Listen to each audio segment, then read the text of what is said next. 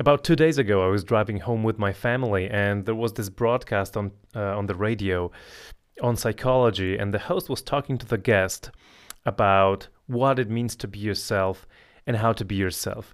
And I could not really listen to the end because you know we drove up to our home, but I got three very important points from that broadcast that relate very much to how we work as trainers and facilitators.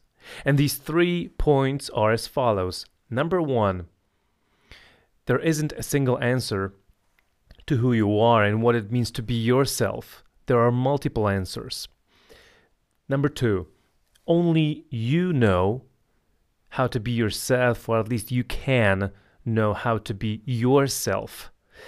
And point number three, it's a never ending story the process of learning who you are and how to actually be yourself goes on and on and on constantly.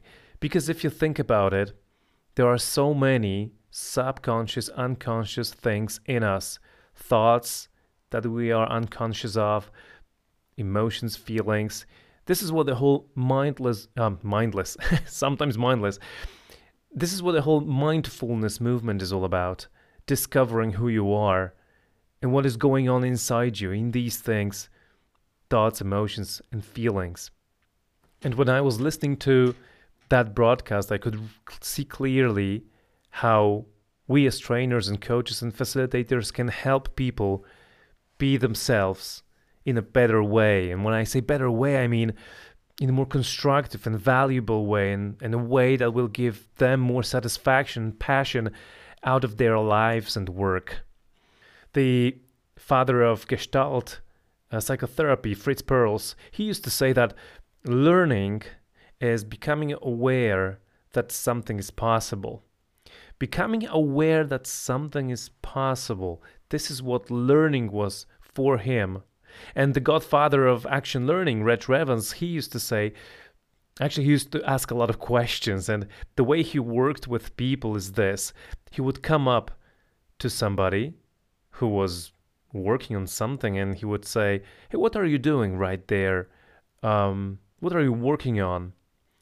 He got the answer and he would come back after a week or two and say, What actions did you take? What did you do with that? And what did you learn from it? And mo- most importantly, what did you learn from it about yourself? I know this from a gentleman who I attended a conference with in London a couple years ago. He worked with Reg Revans, and he told us about how Revans asked questions.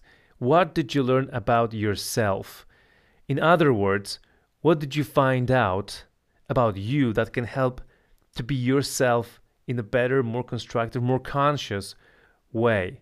So, here are three tips that we as trainers and coaches and facilitators can use. Three things we can do to help our groups and our people, members of our teams and groups, become more aware of who they are.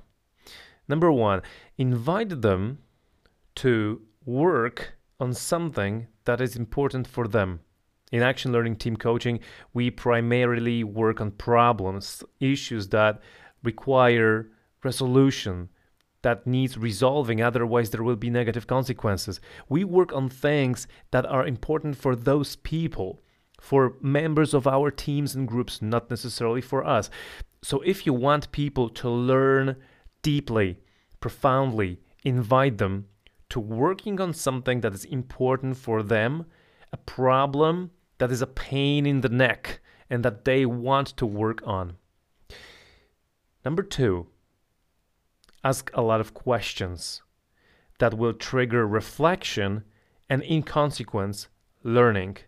Ask, what are we doing well in our work? What can we do better? How can we change this or that? Or how are we doing with this or that aspect of our cooperation? Listening, communication, progress towards reaching a solution, time management, and so on. And finally, number three, end each session with a clear action to take.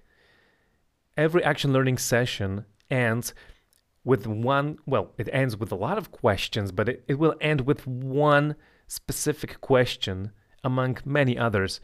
But that one question is what action are you going to take? What will you do after this session? What will happen after this session as a result of our discussion here? What action will you take? And then at the next meeting, after two, three, four weeks, review what has happened. Ask the question what did you do in this period since the last sessions? What actions have you taken?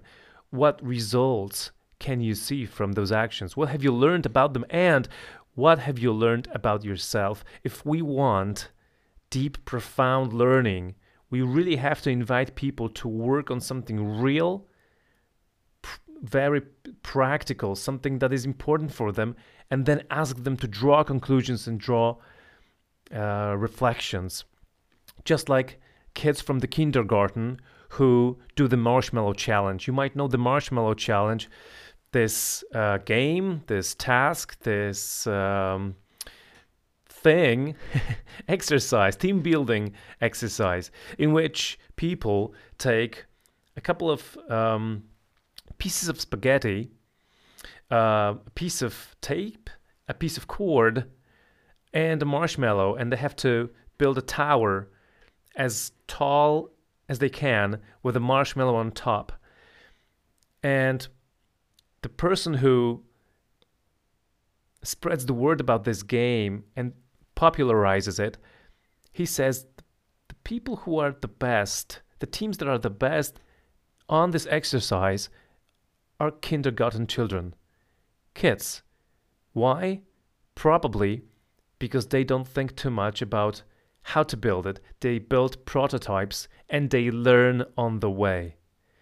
They draw conclusions from the prototypes and they learn. They draw conclusions from the actions that they have taken and they change uh, those actions on the basis of the feedback from reality.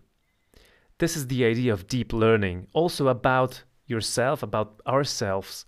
Take actions, make sure you do something, build prototypes of different things, ideas, and then draw conclusions out of them.